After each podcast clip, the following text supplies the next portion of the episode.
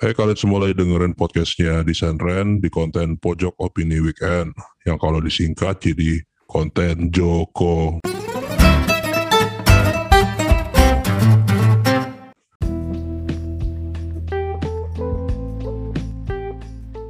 Jadi hari ini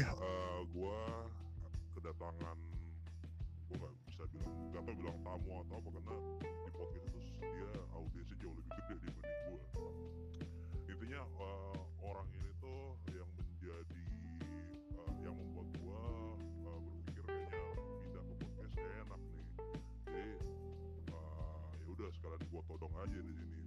Pengennya sih judulnya adalah pengen interview dia padahal gue pengen berguru aja sama dia. Ini dia ada Om Andri dari Talk Talk Podcast. Udah ada orangnya di garis sebelah gue juga sih. Om Andri. Ah iya. Apa kabar bro? baik baik. Masih belum ada musuh saya sampai selama ini. Belum ada musuh. belum ada. Masih aman. Lu mau gue musuhin?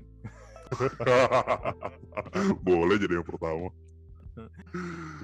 Sebenarnya sebenarnya gini sih, gua gue benci sama lu nih karena kemarin begini, lu gua bikin podcast sama lu, terus tahu-tahu lu bikin podcast nggak lama. Gue gue gue benernya pengen gue sebenarnya pengen protes dulu sama lu nih karena kenapa? Lu nih apakah lu nih desain run ini nih sedang ingin mensabotase gua nih jadinya? Lu ikut-ikutan bikin podcast juga? Padahal lu udah ada konten Instagram udah ada Twitter. Ngapain lu bikin ikut-ikutan podcast? Ini pak eh, pikiran gue jawaban gue ini kayaknya akan mewakili jawaban beberapa orang.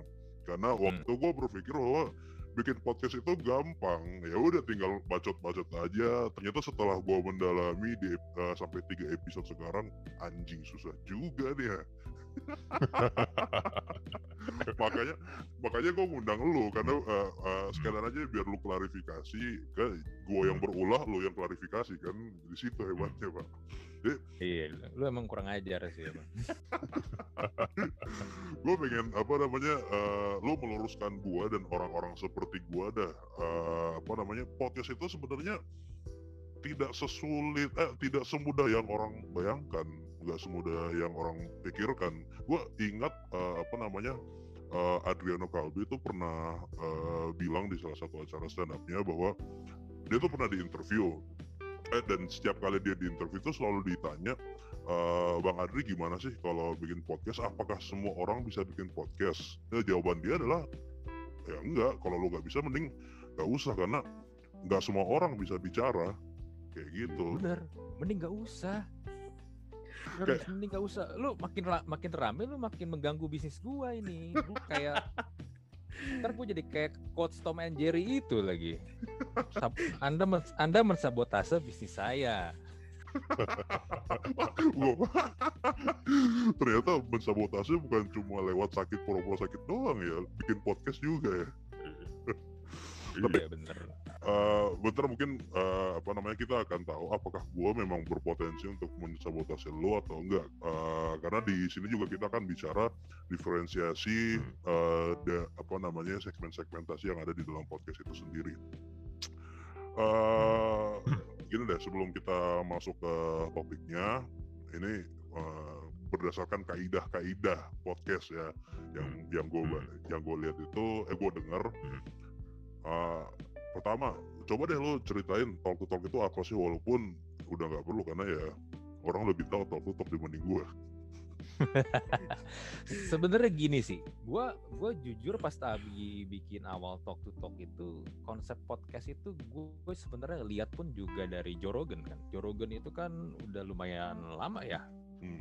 dia jalanin podcast kan udah berapa ratus episode dan juga dengan guestnya yang cukup beragam nggak cuman public figure doang kan yang diundang sama dia ya dan salah satu kerinduan gue juga begini gue dari dulu tuh demen nonton talk show soalnya Hmm. Oprah, Oprah Winfrey atau juga mungkin next show next show di Amerika yang sampai sekarang masih ada kayak James Corden, Jimmy Fallon segala macam. Hmm. Gue tuh demen gitu melihat talk show. Dan dulu tuh gue punya pikiran pemikiran gini, one day gue pengen sebenarnya jadi host sebuah acara talk show gitu. Hmm. Nah, tapi kan untuk bikin talk show itu kan lu butuh panggung kan, lu Iya. butuh stage kan, dan nggak gampang dulu, nggak ada medianya, nggak ada channelnya. Ya tapi gue berpikir ya udahlah, mungkin itu cuma impian muluk-muluk gua doang kan. Ternyata ketika ada fenomena podcast di Amerika nih yang gue lihat nih begitu maju industri itu gitu, begitu gila-gilaan di Amerika lu paling gampang gini deh, lu coba buka LinkedIn, lu search kata podcast deh di LinkedIn Hmm, hmm. itu itu orang-orang profesi podcaster po- perusahaan-perusahaan atau company-company yang bikin podcast manajemen atau agensi podcast tuh banyak banget di Amerika. Nah dari situ gue lihatnya begini. Biasanya ya kalau di Amerika tuh udah jalan, di Indonesia tuh pasti nggak lama lagi akan ikut jalan juga. Industrinya pasti akan masuk. Kayak YouTube lah contoh lah ya. Hmm. Nah dari situ gue gua mulai berinisiatif gini, apa gue coba bikin aja podcast ya. Teman kan waktu itu gue juga lumayan buta nih kalau untuk Spotify segala macam tuh masukinnya gimana. Gue tau ada Anchor, tapi seingat gue dulu pas lagi gue awal mau coba Anchor tuh nggak segampang sekarang. Hmm. Lu tinggal upload habis itu akan distribusin ke Spotify dan yang lain-lain ya. Jadi gue waktu itu gue memutuskan bikin dulu aja di YouTube lah lebih gampang dan gue pikir juga YouTube itu spreadnya lebih luas ya. Yaudah awalnya gue konsepnya tuh bertiga Hmm, hmm, hmm. untuk dua orang temen gue buat ngobrol.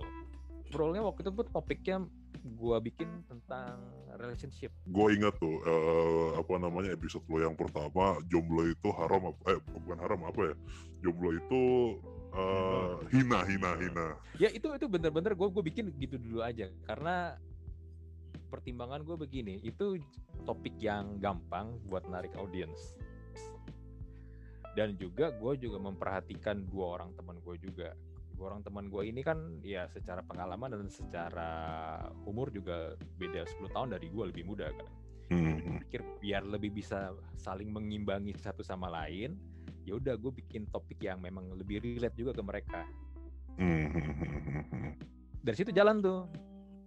Eh, awal lu masuk mau bikin podcast itu lu sempat merasa ya udah eh, talk show itu se secetek ini gitu cuma eh, ngomong-ngomong doang gue cuma modal kamera dan lain sebagainya padahal eh, di dalam itu kan banyak aspek-aspek yang lain lu sempat berpikir kayak gitu juga gak sih? gue gue sempat berpikir gitu juga karena karena dari awal gue berpikirnya gini challenge terbesarnya adalah untuk mendapatkan viewer itu gimana caranya Hmm. karena gue bukan public figure teman gue dua orang itu juga bukan public figure Nah. otomatis ketika lu upload di YouTube jeder yang nonton dikit hmm. Iya kan, walaupun lu dulu ada post-post juga lah di sosial media masing-masing ya, tapi yang nonton dikit. Nah, cuman gue punya prinsip begini sih bro, dari awal gue juga udah ngomong sama mereka berdua nih, kita kan lagi bikin YouTube ini bukan lari sprint ya, ini lari maraton. Lu nggak akan bisa lihat finishnya dalam waktu dalam jarak 100 meter nih. Finishnya tuh mungkin masih 40 met- kilometer ke depan. Jadi kita harus pelan-pelan dan memang pada waktu itu hukumnya adalah kalau ah, sampai sekarang sih ya di di YouTube lu itu harus memang rajin bikin konten Hmm. konsistensi dan quantity itu penting jadi waktu itu gue targetin seminggu sekali lah waktu itu eh, udah harus ada konten masuk Tapi di video lo yang pertama itu lu dapat 10 viewer pertama itu berapa lama? 10 viewer nah. oh kalau 10 waktu itu gampang gue karena gue bertiga kan gue bertiga masih itu eh, dapetin dari temen aja dulu at least tuh 10 mah dapet gampang. Tapi begitu begitu lihat retentionnya gimana? Nah, masalah retention nih, ini ini sebenarnya juga banyak orang yang kalau orang awam mungkin nggak terlalu perhatiin ya kalau retention kita cuma lihat oh videonya view-nya banyak nih, tapi sebenarnya salah satu kunci itu adalah retensi juga kan kalau kita mau ngomong tentang algoritma YouTube ya. Benar-benar. Reten retentionnya itu tuh mau nggak mau lu memang harus bikin konten lu menarik sih. Itu itu udah harus yang menjadi suatu hukum yang lu nggak bisa tawar-tawar Hmm, hmm. Em, gue nggak bisa bilang konten gue waktu itu di awal tuh bagus yang gimana-gimana ya.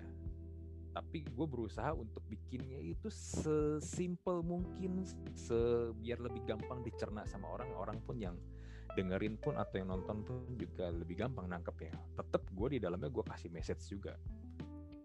Eh, kan waktu itu lo startnya 2019 ya. Hmm.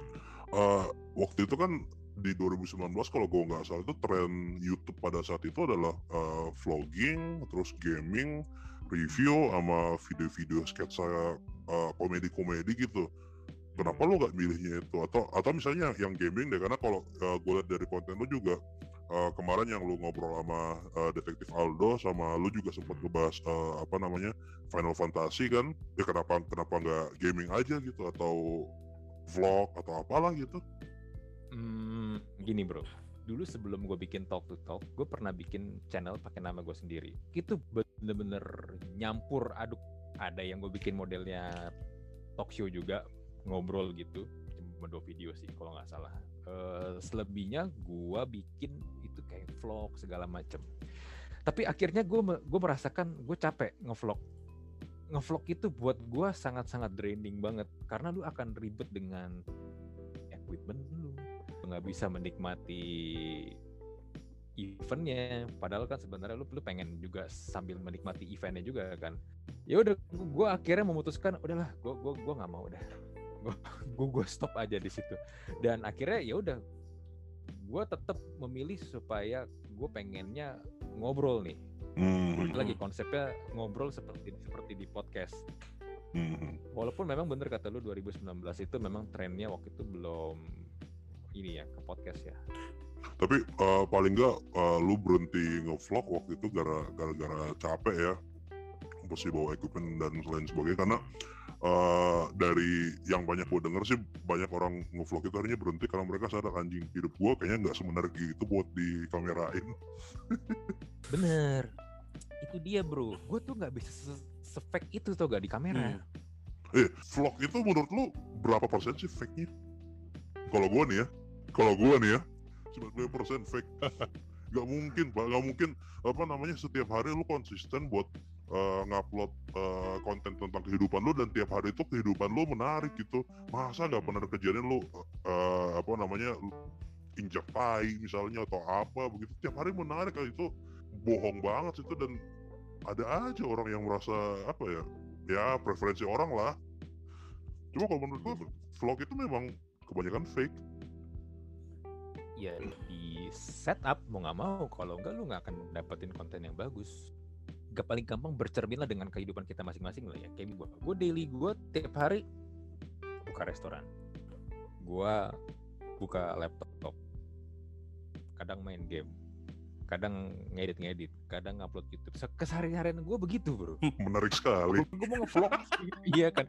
Kalau kalau gue mau masukin vlog lu ngapain gitu loh? Gue jadi gue jadi inget tuh kalau apa itu ya yang di YouTube tuh video orang bengong selama dua jam? Dua jam. Iya. Tapi ada loh yang nggak ngapa-ngapain lima tahun. Eits. iya. Nah ini gue jadi gimana ya? Menurut gue vlog itu memang mau nggak mau lu pasti harus ada skripnya lu harus ada setupnya. Kalau enggak ya nggak nggak menarik bro. Hmm, dan meskipun juga kita setuju dengan hal itu untuk menggarap sebuah vlog dengan sumber daya yang sangat-sangat minim kayaknya itu sulit banget ya Hmm, ya menurut gue iya. Apalagi kalau lu pe- pegang kamera sendiri, lu yang harus ini sendiri, susah sih. Buat gue pribadi susah, karena tuh capek banget. Dan jujur gue akuin orang-orang yang nge jago ngevlog itu itu menurut gue hebat sih. Gak, nggak gampang. Itu dari sisi sisi uh, apa namanya teknis ya. Belum kalau kita omongin tentang uh, proses kreatifnya misalnya hari ini uh, drama apa yang mau gua angkat atau make up apa namanya story apa yang mau gua angkat itu menurut gua kayaknya kalau sendirian itu aduh sama aja sih dengan bunuh diri. Hmm, bener bener. Dan akhirnya gue ngelihat beberapa vlogger itu karena mereka ingin menampilkan keseharian mereka yang begitu menarik dalam tanda kutip, akhirnya kadang-kadang mentok kehabisan ide kan, dan ya jadi ada yang nyelen- nyeleneh-nyeleneh akhirnya kesehariannya, hmm, hmm. dipaksain masuk dipaksain masuk ke konten.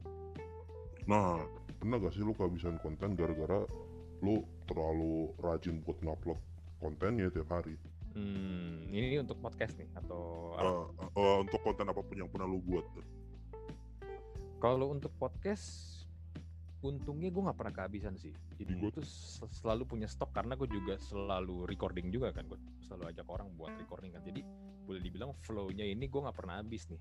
Hmm. Kalau gue nggak pernah habis. Tapi kalau misalnya gue ngevlog itu gue lanjutin, mungkin ya gue punya kemungkinan gue akan kehabisan ide sih. Hmm. Ya karena balik lagi hidup cuma kayak gitu-gitu aja gitu kan kalau mau di make up juga. Iya bener. Susah juga. Heeh. bedanya bedanya gini kalau podcast itu kan gua nah ini kalau mau lan- lanjut tadi ya Hmm. tentang progresnya talk to talk. Nah gua akhirnya pertengahan di tengah jalan teman-teman gua itu mundur tuh satu demi satu tuh. Hmm, hmm. Satu demi satu mundur akhirnya tinggal gua sendiri dong Hmm. Nah, ketik tinggal gue sendiri ini, gue punya dua opsi nih. Apakah gue mau lanjutin atau gue mau stop?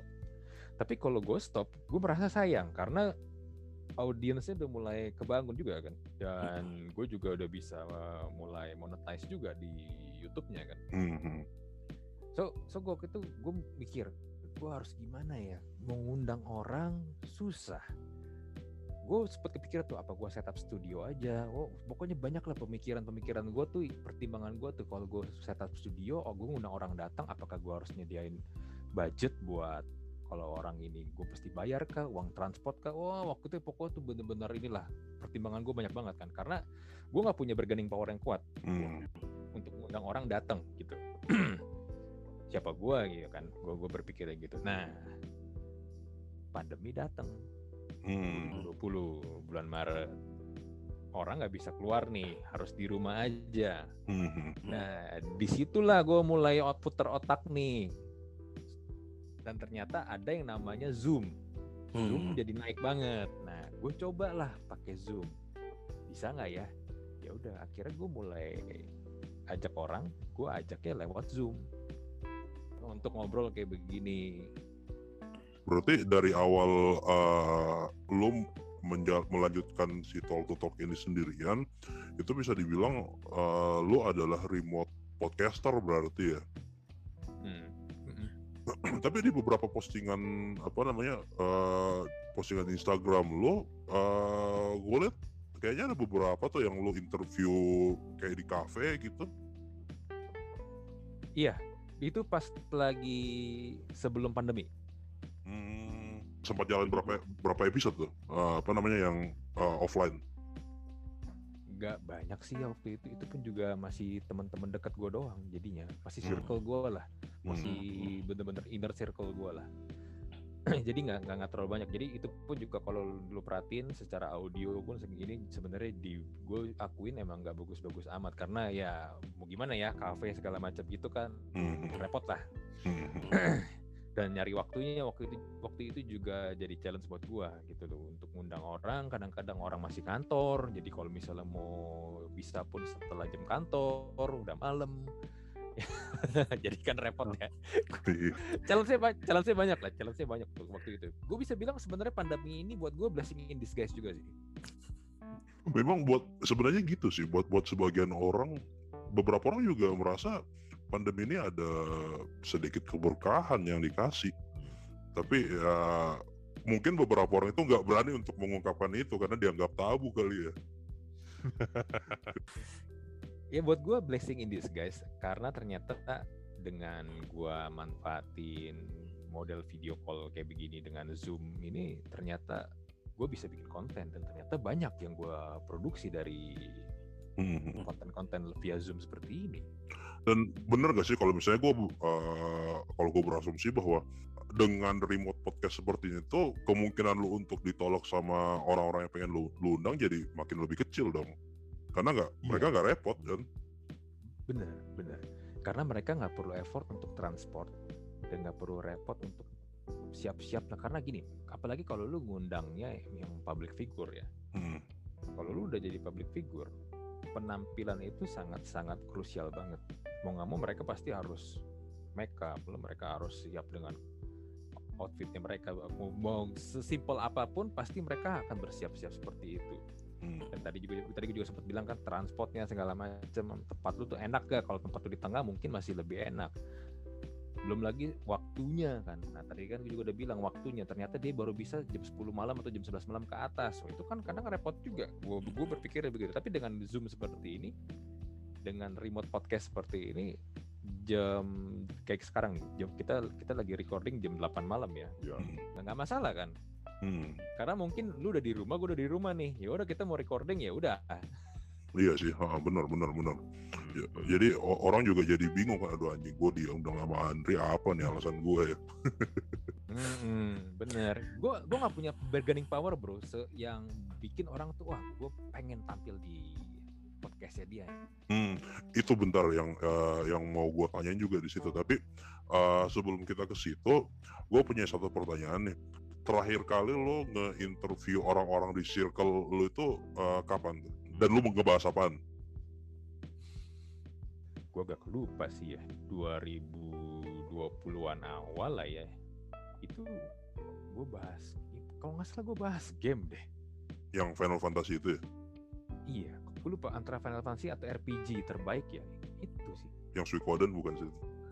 Heeh, iya, Oh. iya, iya, iya, iya, iya. Itu itu mungkin ya, itu mungkin circle terdekat gue. Selebihnya gue udah mulai circle gue udah mulai keluar tuh. Hmm. Nah, yang membuat lo pertama kali bisa mengundang orang lain di luar circle lo itu apa sih? Hmm, jujur gue nggak tahu sih bro. Karena gini, gue gue gini nih, gue kehabisan, gue udah kehabisan orang bro. To be honest, gue udah kehabisan orang dan gue udah kehabisan orang yang bisa gue ajakin ngobrol untuk topik-topik yang sebenarnya tuh kalau gue ajak ngobrol ke mereka itu pasti maksa banget. Karena mereka nggak akan paham orang-orang ini. Karena gini orang kan punya ini ya experience atau expertise masing-masing ya Nah kalau misalnya gue tetap paksain ke orang-orang circle terdekat gue untuk beberapa topik gini, ini pasti ngomongannya akan jadi ngalor ngidul nggak jelas. Sedangkan gue butuh dari orang-orang ini yang memang dia memang ahli, dia pengalaman di bidangnya itu.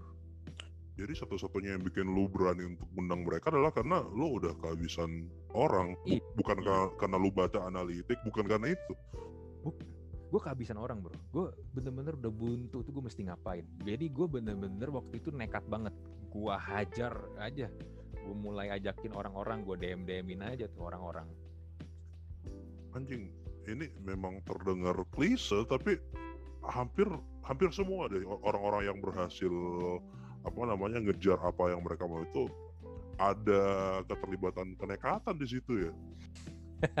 Iya, karena udah kepepet. Iya bener, bener, bener, bener. Lu udah, udah ah bodo amat lah, nothing, nothing tulus. Pokoknya gue tabrak aja lah. Eh, orang di luar circle lu yang pertama kali lu undang itu apa public figure atau siapa tuh?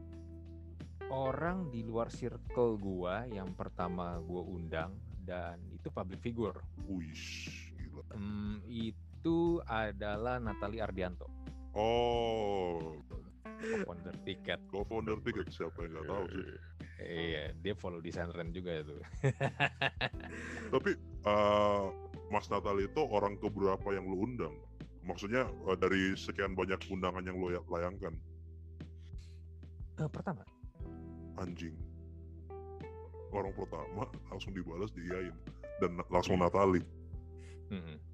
Jebret gitu. Gua gua follow dia udah lama. Gue pernah ketemu dia juga sebenarnya berapa kali gitu. Mungkin tapi dia nggak terlalu notice gua kali ya, karena kan Oh. dia kan punya komunitas startup lokal ya. Hmm, hmm, hmm. Nah, gue berapa kali pernah datang lah ke acaranya dia zaman sebelum pandemi ya. Jadi waktu itu masih di Menara Telkom yang di Kebon Siri kalau nggak salah di Hmm. deh.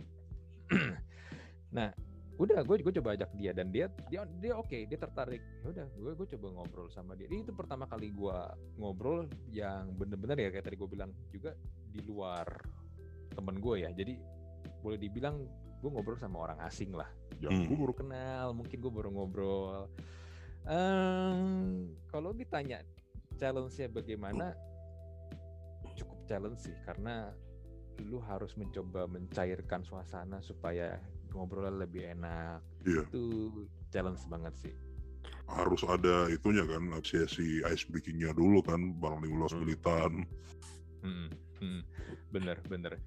Tapi untungnya gini bro, sebagai orang pertama di luar circle gua yang gua ajak podcast, dia itu cukup ini ya, cukup orangnya juga nice dan juga memang dia suka sharing sih. hmm. Jadi gue juga enak untuk nge-hostnya. Oh. sama sama dia itu. gue tuh ngobrol sama dia tuh dua jaman makanya gue sampai pecah sampai dua episode Oh, gila ya.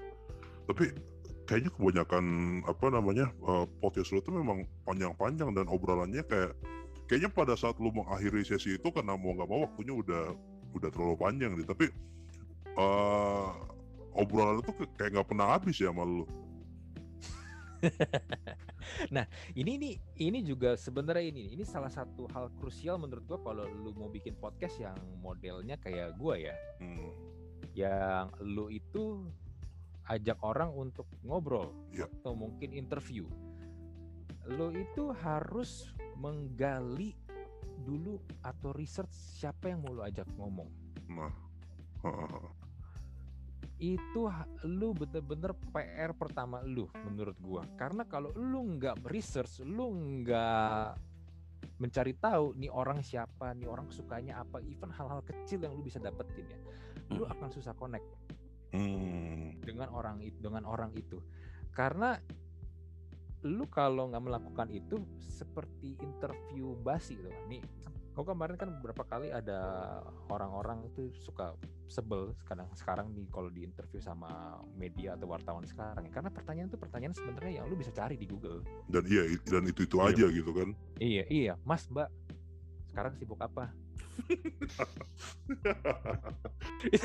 itu kan itu kan pertanyaan yang nyebelin kan lu kan sebenarnya orang tuh kalau udah diajak ngobrol sama lu nih ya diajak interview sama lu sebenarnya kan dia tuh kan pengen kan kalau lu tuh sebagai interviewer tuh lu ter- emang tertarik sama dia kadang-kadang fakta-fakta kecil aja tuh itu sangat-sangat krusial loh Iya benar benar benar benar. Karena itu kan bisa dibilang sebagai model percakapan lu kan sama si orang apa namanya si stranger ini kan. Paling nggak dengan knowledge knowledge yang kalau bisa uh, walaupun kecil tapi itu itu mungkin ketika lo membahas berdua sama si narasumber lo itu bisa menjadi sebuah percakapan yang baru lagi gitu. Hmm. Nah, ini nih, ini nih ada yang ini contoh nih yang sering gua pakai nih. Waktu itu pas lagi gua podcast sama Peter Shearer, CEO-nya Wahyu. Wahyu. ha. uh, salah satu trik icebreaking gua adalah dari nama dia. nama dia Peter Shearer. Gua nanya sama dia, bro, kenapa nama lu Peter Shearer? Shearer itu kan Alan Shearer kan? Itu mantan striker Inggris dan Newcastle United. Lu apakah penggemar dia atau bukan? Dia bilang iya. Gue ngefans banget sama dia. Sampai gue mengganti nama belakang gue sendiri pas SMA dan dipakai sampai sekarang. Nah, gue connect ini begini. Nama gue Andri Hadinata. Kalau lu perhatiin di nama depan gua itu ada huruf Y. yang which is nggak common di Indonesia ya. Biasanya Hmm. kalau nggak huruf I aja, huruf Y aja kan. Hmm. Tapi gue menambahkan dua huruf I dan Y. Lu tau nggak kenapa gue pakai nama kayak begitu? Karena gue juga demen striker Ukraina mantan pemain Milan yang namanya Andriy Shevchenko dan nama Andriy di dengan huruf I dan Y itu itu nama yang common di saat di negara sana. So gue akhirnya connect sama dia di situ. Ice breaking, ice breakingnya tuh esnya tuh pecah dan akhirnya gue ngobrol sama dia jadi enak. Itu gue belum pernah ketemu dia loh, serius. Saya pikir Bapak Andri Y itu karena Bapak maruk Pak mau ambil semua huruf Y sama Y. Jadi begitu gue gue connect sama dia. Ice breaking itu penting sih memang karena Hmm. kalau kita melewatkan bagian itu si lawan bicara lo juga kayak aduh anjing ini ini orang gimana sih eh, karakteristiknya? Terus apakah eh, apa namanya le- level bicaranya itu bak- bakal seperti apa? Mereka juga akan menyesuaikan itu kan. Jadi obrolannya juga bakalan basi sih. Karena itu juga trik-trik seperti itu juga yang yang gue jalankan. Eh, ketika misalnya gue melakukan user interview sama ya user-user gue di aplikasi gitu di produk gitu. Ya gue nggak langsung datang tiba-tiba halo ibu saya dari ini eh, mau bla bla bla bla." ya kita juga pasti bakalan breaking dulu. Tapi ini nih eh, menurut gue kayaknya penting untuk diluruskan ya. Gua gua gua tuh ngerasa kan tadi gue bilang eh, bahwa konten lu itu eh, panjang-panjang dan obrolan itu sama lu nggak pernah habis gitu. Tapi menurut gue lu itu bukan orang yang cerewet gue lebih senang ketika gue melabeli lu sebagai orang yang punya wawasan yang luas dibanding orang yang cerewet karena eh, ketika lu cuma bermodalkan cerewet doang bisa saja itu nggak ada isinya gitu kan tapi wawasan itu adalah sebagai salah satu uh, apa ya modal lo juga ketika lo nge-podcast. Hmm, bisa bilang bisa dibilang kayak gitu karena gue memang suka baca. Hmm. Gue suka baca satu. Dan kalau lu sebagai seorang interviewer kalau lu nggak punya isi sama sekali atau isi lu cuman sepotong-sepotong akan sangat-sangat susah lu balik lagi ya akan sangat-sangat susah lu relate dengan orang yang lu ajak ngobrol. At least gini misalnya nih ada satu topik atau satu pembicaraan yang lu, lu mungkin buta kayak misalnya blockchain. Gue gue jujur gue nggak gitu paham blockchain kan. Hmm. tapi gue berusaha untuk memahami blockchain at least nih. Basicnya dulu deh. Hmm. biar gue bisa mengajukan pertanyaan-pertanyaan yang emang bikin yang emang bikin gue penasaran ke orang yang gue ajak ngobrol itu. Jadi gue bisa dapat insight dari situ satu dan yang kedua gue bisa akhirnya bisa bisa membagikan juga ke buat orang yang nonton atau yang dengerin. Hmm. dan gue coba tarik garis lurus juga dengan relate dengan kehidupan sehari-hari nih Berarti selain itu juga yang membuat lo bisa memperpanjang sebuah uh, obrolan itu adalah rasa penasaran lo itu sendiri akan akan topik yang sedang lo bahas ya. yes bener karena gue selalu juga tekenin gue di talk to talk podcast itu curiosity is the key sih buat gue Hmm, Benar-benar, gue setuju, gue setuju. Ketika kita berhenti bertanya ya udah sampai di situ aja berarti. Iya, iya, that's it. Bener. Makanya gue coba gali, gue coba gali, gue coba gali terus sampai gue bisa mendapatkan jawaban yang menurut gue oke, ini yang gue mau nih. Tapi gue kayaknya gak pernah denger deh uh, di podcast lo lo uh, ngedebatin tamu. Hmm, ngedebatnya tapi halus. Gue halus maksud arti kata gini. Misalnya dia, dia udah ngomong nih, tet, tet, tet, tet, tet. biasa gue sangka gini. Tapi bro, kan bukannya begini-begini nih. Ah, Ngerti gak? Bukan bukan debat yang ke- mau bikin orang jadi marah-marah, enggak. Aha. enggak. Karena karena begini loh, tetap aja itu kan orang yang lu ajak ngobrol itu kan adalah orang yang lu nggak kenal sebelumnya atau baru kenal kan. Kalau lu Hmm. udah ajak ngobrol dengan nada tinggi atau debat yang kagak jelas, kan waktu orang jadi nggak ini kan, nggak nyaman kan. itu kayaknya terjadi di itu ya konten lo yang apa namanya sepeda yang yang yang barusan ini loh yang gue Hmm. nggak nggak jadi. Eh, eh, tapi gue pengen tahu nih sebenarnya apa sih yang bikin lo tuh ter- tertarik buat nge-interview orang-orang? Satu tadi gue udah sebutin, gue penasaran. Gue Hmm. punya rasa penasaran yang tinggi terhadap orang-orang yang menurut gue tuh sukses, bisa Hmm. achieve goalnya. Karena gue yakin banget di balik semua yang dia udah dapetin pasti ada cerita, pasti ada pengalaman jatuh bangun, ada pasti ada proses. Lu lihat kan sekarang konten-konten di sosial media itu kan sangat-sangat banyak yang isinya cuman pamer. Gue udah sukses, gue udah punya ini, pamer kekayaan, inilah segala macam. Pokoknya hasilnya aja kan. Yang gue nggak tahu ah itu hasilnya bener atau enggak. Kadang-kadang juga ya, you know lah, fake kan kadang-kadang kan. Dan menurut gua hal-hal seperti itu yang membuat banyak orang di negara kita ini pengennya instan. Hmm, hmm. Bikin podcast maunya instan, cepet terkenal. Bikin YouTube pengennya cepet terkenal, jadi youtuber terkenal. Bikin startup pengennya cepet dapat pendanaan, cepet kaya. Nggak bisa begitu menurut gue caranya. Semua tuh butuh proses sih. Eh, menurut lo proses yang lo lakukan ini itu eh, kira-kira berapa persen dari 100 sih? Gue paling bisa bilang baru 10 sih. 10 persen. Lo udah ngajakin tiga teman, dua teman lo dan dua teman lo itu cabut. Terus Hmm. eh, lo juga pernah merasa udah kehabisan eh, orang untuk diinterview dan itu lo bilang baru 10 persen. Hmm, karena gua berpikir nih ya ini masih punya potensi yang gede banget. Hmm. Come on man, ini masih belum jadi industri di Indonesia. Tadi kan gue udah sebut di awal ya, di Amerika ini udah jadi sebuah industri yang sangat-sangat gila banget. Hmm, hmm, hmm, hmm. Kalau kita bicara eh, ngomongin soal 10% tadi itu lah, gue akan bahas tentang effort lo juga nih.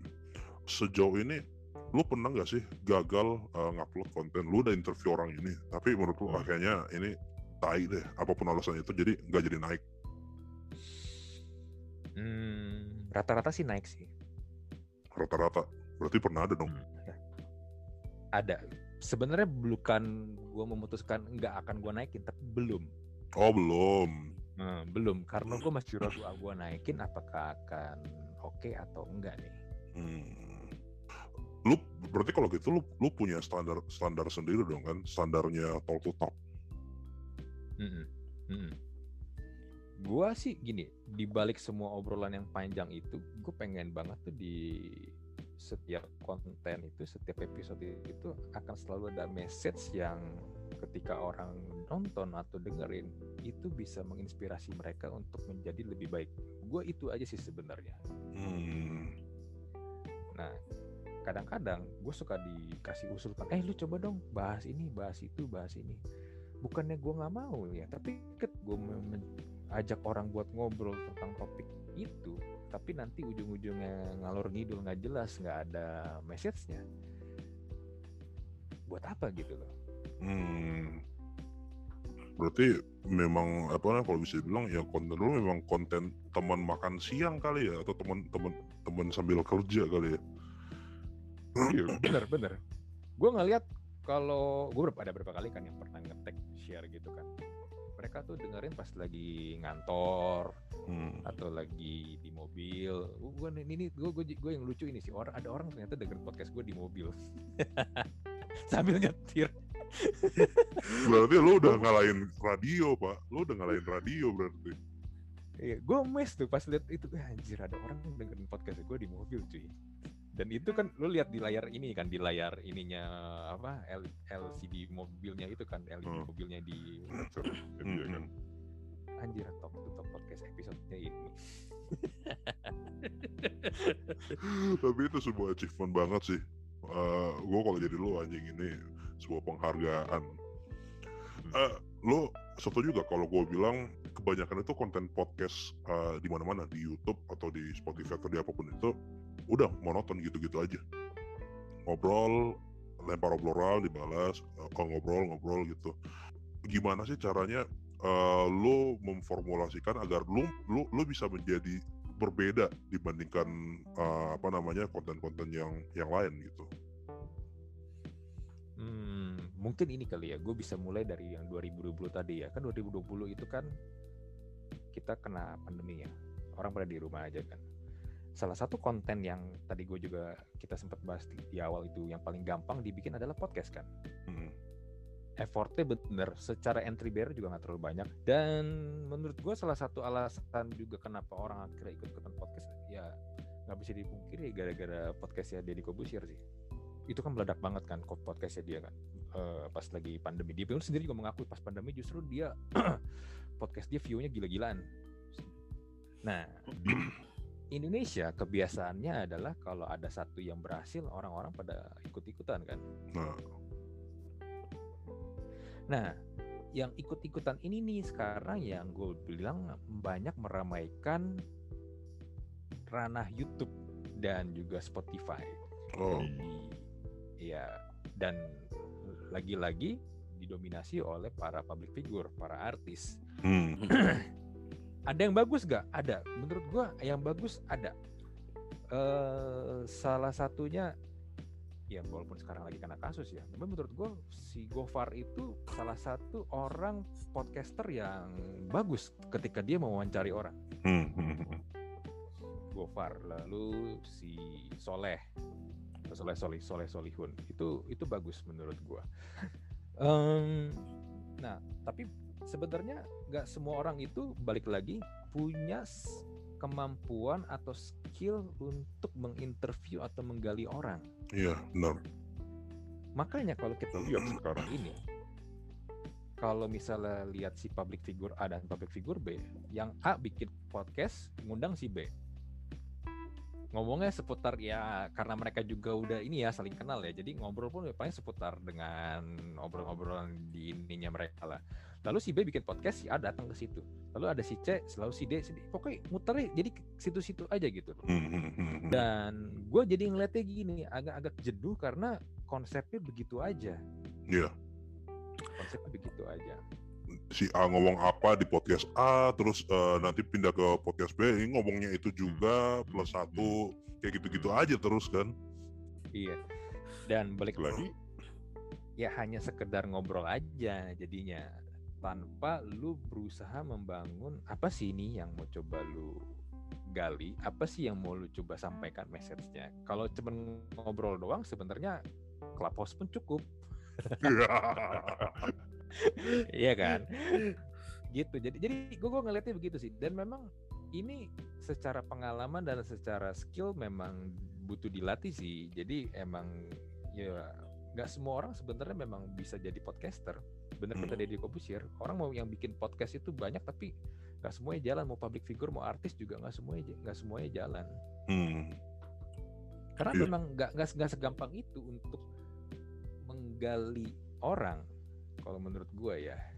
Nah itu satu. Yang kedua nih ya, menurut gue sebenarnya konsep podcast itu kan nggak harus ngobrol kayak begini. hmm.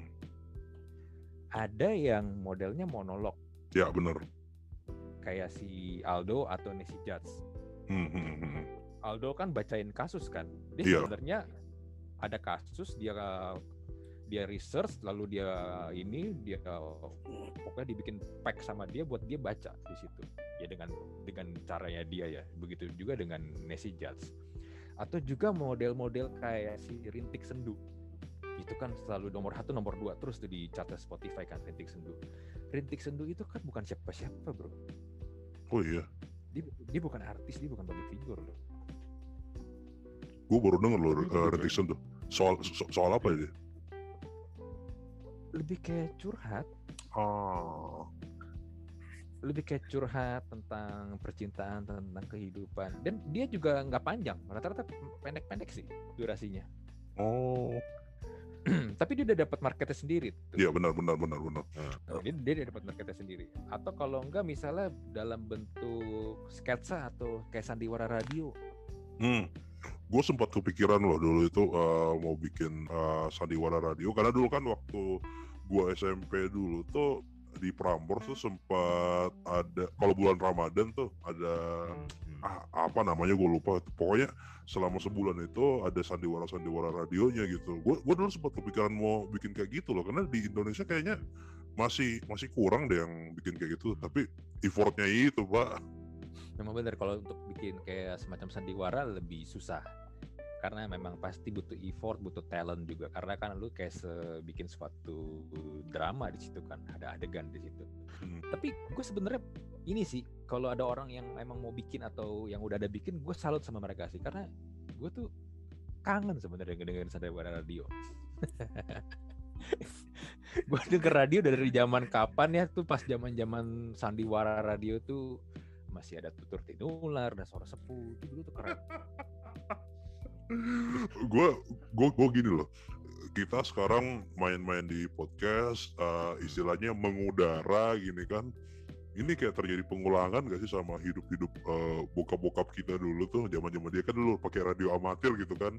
YC 8 BY menurut gua memang bu- bukan pengulangan ya, lebih tepatnya kita ini berevolusi sih. Tetap konsep konsepnya kurang lebih sama tapi kan mungkin sekarang platformnya yang berbeda aja tapi kurang lebih sebenarnya sama. Kayak TV aja TV ke YouTube kan sebenarnya konsepnya sama kan TV dan Hmm. di YouTube itu lebih kita bisa pilih mau yang mana. Kita nggak yang cuman satu arah konsepnya kan. Hmm, hmm, iya benar benar benar. Eh, gini, lo udah jalan kalau bisa dibilang udah ja- udah jalan di tahun ketiga berarti eh, podcast ya. Lo pasti udah di luar lo wawancara orang, lo pasti juga sambil ngeliat-liat ada apa nih sebenarnya di dunia podcast yang lagi ngetren apa. Ada nggak sih hal-hal yang bikin lo kayak bikin lo jengkel gitu dengan ini dunia podcast kenapa begini sih? Ya sebenarnya yang bikin jengkel tadi udah sep- seperti seperti awal tadi ya sebelumnya tentang terlalu banyak orang-orang nge-podcast tapi sebenarnya mereka tuh nggak siap buat podcast. Karena penganggap podcast itu gampang cuma ngobrol doang. itu bakal jalan kalau lu ngundang public figure. Lu, lu tahu gak sih podcastnya Danang sama eh, ah Danang bukan Darto ah bang siapa sih namanya Danang dan Onat Onat Onat dan Danang meet everybody di Noise Oh, ha-ha. nah dia konsepnya menurut gue bagus loh walaupun mereka itu adalah public figure ya tapi yang mereka interview itu adalah sama sekali bukan public figure. Waktu itu gue lihat eh, episodenya ada ngundang eh, cewek open bo terus eh, ngundang gigolo ngundang apa namanya open bo tapi female terus eh, tukang gali kubur dan lain sebagainya. Maksudnya itu menarik karena eh, mereka tuh bisa meng- mendeliver message bahwa setiap orang tuh punya pekerjaan yang yang mungkin mereka tuh punya cerita yang lu nggak tahu gitu. Dan akhirnya mereka menceritakan eh, melalui podcastnya itu. Nah, poin gua adalah selain lu eh, harus pintar-pintar untuk nge-interview orang, lu juga lu juga harus punya strategi yang bagus sih untuk eh, apa namanya memfor- memformulasikan konten lu tuh bakal seperti apa, konten pilarnya bakal seperti apa dan segala macam. Jadi memang podcast itu nggak cuma ngebacot doang. Bener, bener. Lu tau nggak kenapa Clubhouse itu akhirnya turun? Oh iya iya iya iya iya iya iya. Karena cuma ngebacot doang. Orang-orang yang buka room di Clubhouse itu mereka tidak siap untuk menjadi seorang host. Oh iya benar ya. Mm-mm.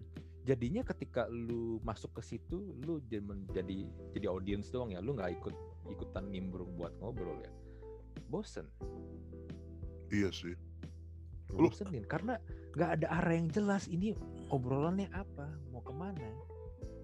Lu pakai Clubhouse berapa lama dulu? Gue cuman gini, gue nggak gua nggak nggak pakai iPhone. Hmm. Pas ketika Clubhouse lagi hype itu, gue cuman ngintip doang dari handphone dari iPhone-nya istri gue. Lihat bentar, oke gini-gini, ya ya udahlah. Dan gak lama, eh sekarang kan udah ada di Android. Gue install, gue bikin akun. Gue coba scroll scroll scroll, gue coba masuk berapa kali ke dalam suatu room. Ah, ini bahas ngobrol, oke, yang ngobrol isinya 10, yang ngobrol 10 10-nya. Tapi kan gue nggak kenal kan sebenarnya sama mereka kan. Diangkat jadi jadi itu. Tapi biasa tuh nggak pernah gue ladenin. Karena gue sebenarnya cuma pengen dengerin dulu ini apa gitu loh. Kan ngapain kan gue nggak punya intensi untuk nimbrung. Gue cuma pengen denger ngobrol doang. Kenapa gue harus ikut ngomong? Oh lu- jadi, jadi ceritanya lo orang random diangkat jadi speaker di roomnya orang. iya. Konsep Nah, banget. itu se- iya i- itu sebenarnya menurut gue adalah kesalahan yang dilakukan orang-orang yang nge-host di Clubhouse. Dan juga gue lihat banyak dilakukan juga sama para podcaster yang mungkin masih baru atau belum punya skill untuk nge-host. bahwa eh, s- ada banyak hal yang harus lu persiapkan eh, sebelum lu benar-benar masuk ke dalam dapur rekamannya podcast berarti ya. Poinnya poinnya di situ. Mm-mm. Nah ini juga kenapa para podcaster-podcaster yang bagus-bagus di chart Spotify itu kenapa banyak dari radio penyiar radio? Karena mereka udah terbiasa. Ya pekerjaan mereka juga gitu kan. Pekerjaan pekerjaan mereka juga. Mereka udah dapet benefit dari situ. Nah menurut gua lu harus belajar di situ kalau mau bikin podcast bagaimana caranya nge-host itu? Lalu juga public speaking lah menurut gua lu juga perlu belajar juga sih. Bagaimana misalnya untuk intonasi suara kalau cuma bermain di audio doang apakah lu mau pakai intonasi suara yang cempreng kah atau yang gimana kah? Atau suara lu nggak terdengar enak sebenarnya di kuping orang atau di kuping sendiri? Gimana caranya supaya karakter lu tuh bisa keluar dari orang dari hanya mendengarkan suara lu doang itu kan juga mesti dilatih. Hmm. kalau gua di podcast gua berusaha membuat suara gua itu tone-nya jadi lebih ringan. Karena gua Hmm. pengen bikin vibe-nya kan ngobrol kan santai. Gua nggak akan bikin vibe suara gua jadi lebih berat karena terlihatnya gua mau mendominasi lawan bicara gue kan. Sedangkan gue pengen supaya dia cerita terbuka. Kalau gue bikin tone suaranya berat dia jadi merasa merasa terintimidasi dia akhirnya nggak mau cerita. Benar benar benar benar benar. Gitu. Ini makanya yang yang yang gue bilang ngobrol sama lu tuh memang bikin satu jam itu gak berasa pak. Sekarang jam berapa ya? kita Anjir, udah hampir jam udah hampir jam 9 lu kelewat satu pertandingan ya? Nggak Kalau- apa-apa lah kan kita tadi startnya nggak benar-benar jam 8 kan makanya itu itu, itu yang gue bilang ngobrol sama lu tuh kayak gitu. Oke eh tunggu nih gue ada pesan sponsor sebelum lu tutup nih. Oke silakan. Ingin yang belajar tentang podcast lebih jauh lagi kebetulan gue nanti ada kelas nih kerjasama dengan Cleans itu tanggal 26 Juni hari Sabtu. Jam 10 pagi itu online via Zoom jadi di situ gue akan bahas tentang how to monetize your podcast gimana podcast tuh bisa dapat duit bisa cuan untung gue nggak nanyain itu padahal udah gue siapin di sini pertanyaannya So buat yang pengen tahu caranya gimana, gua akan share banyak di situ. Nah nanti kalau yang mau itu bisa langsung ke website Gleans sih di Gleans Expert Class ya, ya di Gleans Expert Class. Lu bisa cari kelasnya gua tuh tanggal 26 Juni itu fee-nya berapa ya? 149.000 ribu satu orang. Lu, lu udah dapat sertifikat, nanti lu juga dapat deck dari gua. oke deh kalau gitu eh, buat netizen jangan pernah nunda-nunda lagi lo ngomong sama orang ini gue ngomong ngobrol sama dia dua kali satu jam itu gak berasa banget loh apalagi lo bayar 150 ribu tanya aja apa yang lo mau tanyain pasti bisa dijawab sama dia Yaudah, thank you kalau gitu Om Andri. Saya tutup eh, podcast ini. Biarkan saya menjadi sombong kembali menjadi seorang wahyu dan silahkan anda eh, lanjutkan nonton bolanya ya. Seandainya gue tau bola kita sewa nih thank you Om Andri. Iya sama-sama.